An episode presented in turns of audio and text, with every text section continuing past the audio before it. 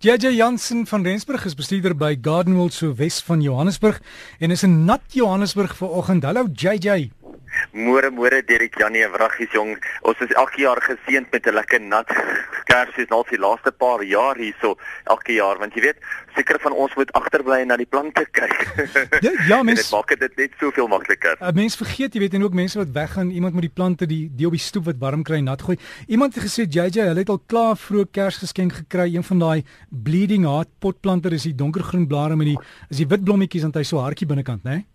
Ja, sy dit sê ja nee, is is eintlik 'n ranker. Ja, en wat moet sy doen met hom? Waar moet sy hom plaas? Dit is eintlik 'n baie veelsidige plant. Jy kan hom of binne in die huis plaas of jy kan hom buite plant. Dit is wat nie 'n probleem nie. Veral as jy in 'n area bly wat redelik gematig is. Meeste dele van Johannesburg selfs kan hom nog steeds buite hanteer.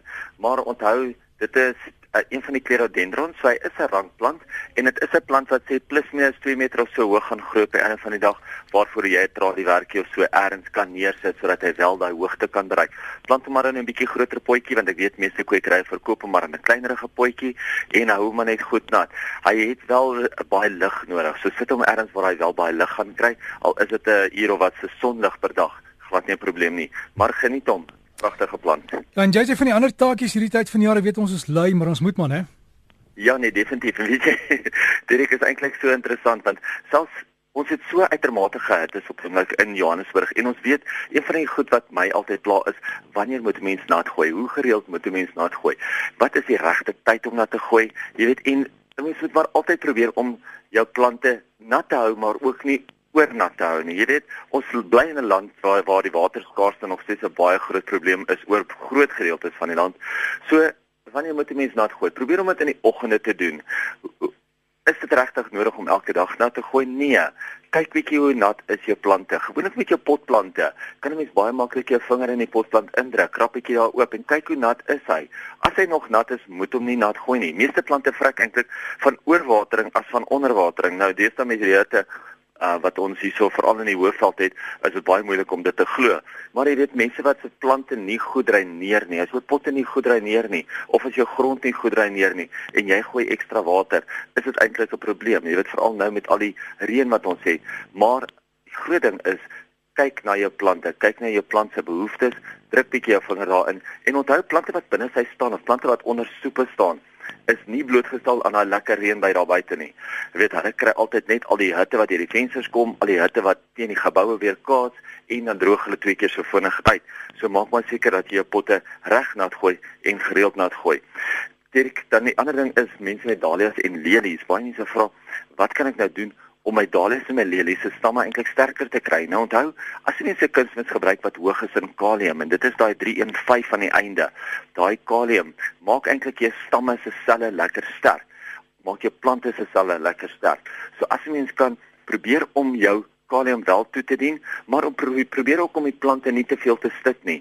Want as jy die plante baie hoog opstik, dan knak hulle baie maklik, dan breek hulle baie maklik. Waar as jy hulle laag sit en die wyntjie kan hulle effens sterker maak, soos die briesie daardeur blaas en soos die wind daardeur blaas, dan gaan jou plante se stamme sterker word en dan sal hulle nie so vinnig um knak nie of nie so sag wees dat hulle so maklik kan knak nie. Grasperke hierdie tyd van jaar moet ons seker maak dat ons hulle nie te kort sny nie, veral nie as dit so drukkend warm is soos wat dit nou in die laaste paar dae was nie. Sny eers jou grasperk twee keer 'n week en sny maar bietjie langer as dit nodig is. Jy weet, probeer eerder om jou gras en die wortelstelsel bietjie te beskerm teen daai verskriklike warm son. As jy hom nou te kort gaan sny, gaan die grond so warm word en gaan die wortel self van die grasperk begin brand en dit is waarvoor mense moet uitkyk met waarvoor mense moet versigtig wees. Een van die saailinge wat deesdae op sy mooiste blom is ons zinkas, die gewone ou soos hulle dit ou in die ou jare genoem het die son impatiens. Dit is nie 'n impatiens nie, maar dit is een van daai plante wat selfs die warmste, droogste areas nog steeds net so pragtig kan blom. So as jy 'n bietjie kleur nog wil insit vinnig voor Kersfees en jy weet maar jy het 'n baie warm tuin en jy weet jy gooi nie baie nat nie, gaan kry vir jou by die kwekery Zinka saailinge. Hulle is ongelooflik goed. En ek praat so van water.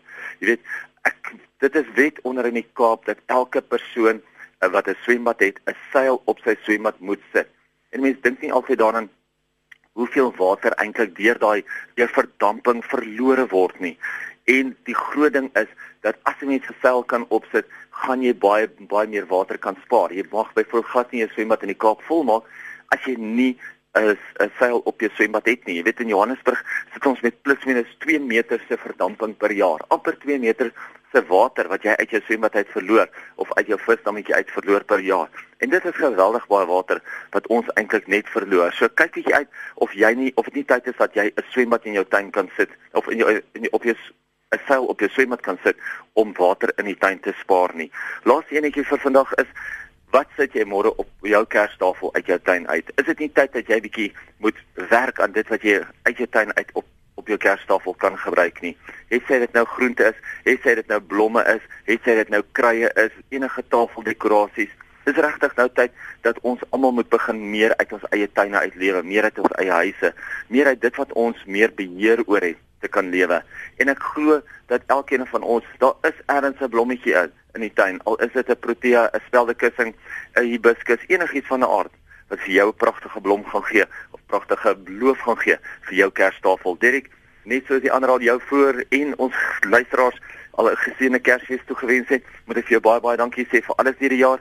Dankie vir die luisteraars.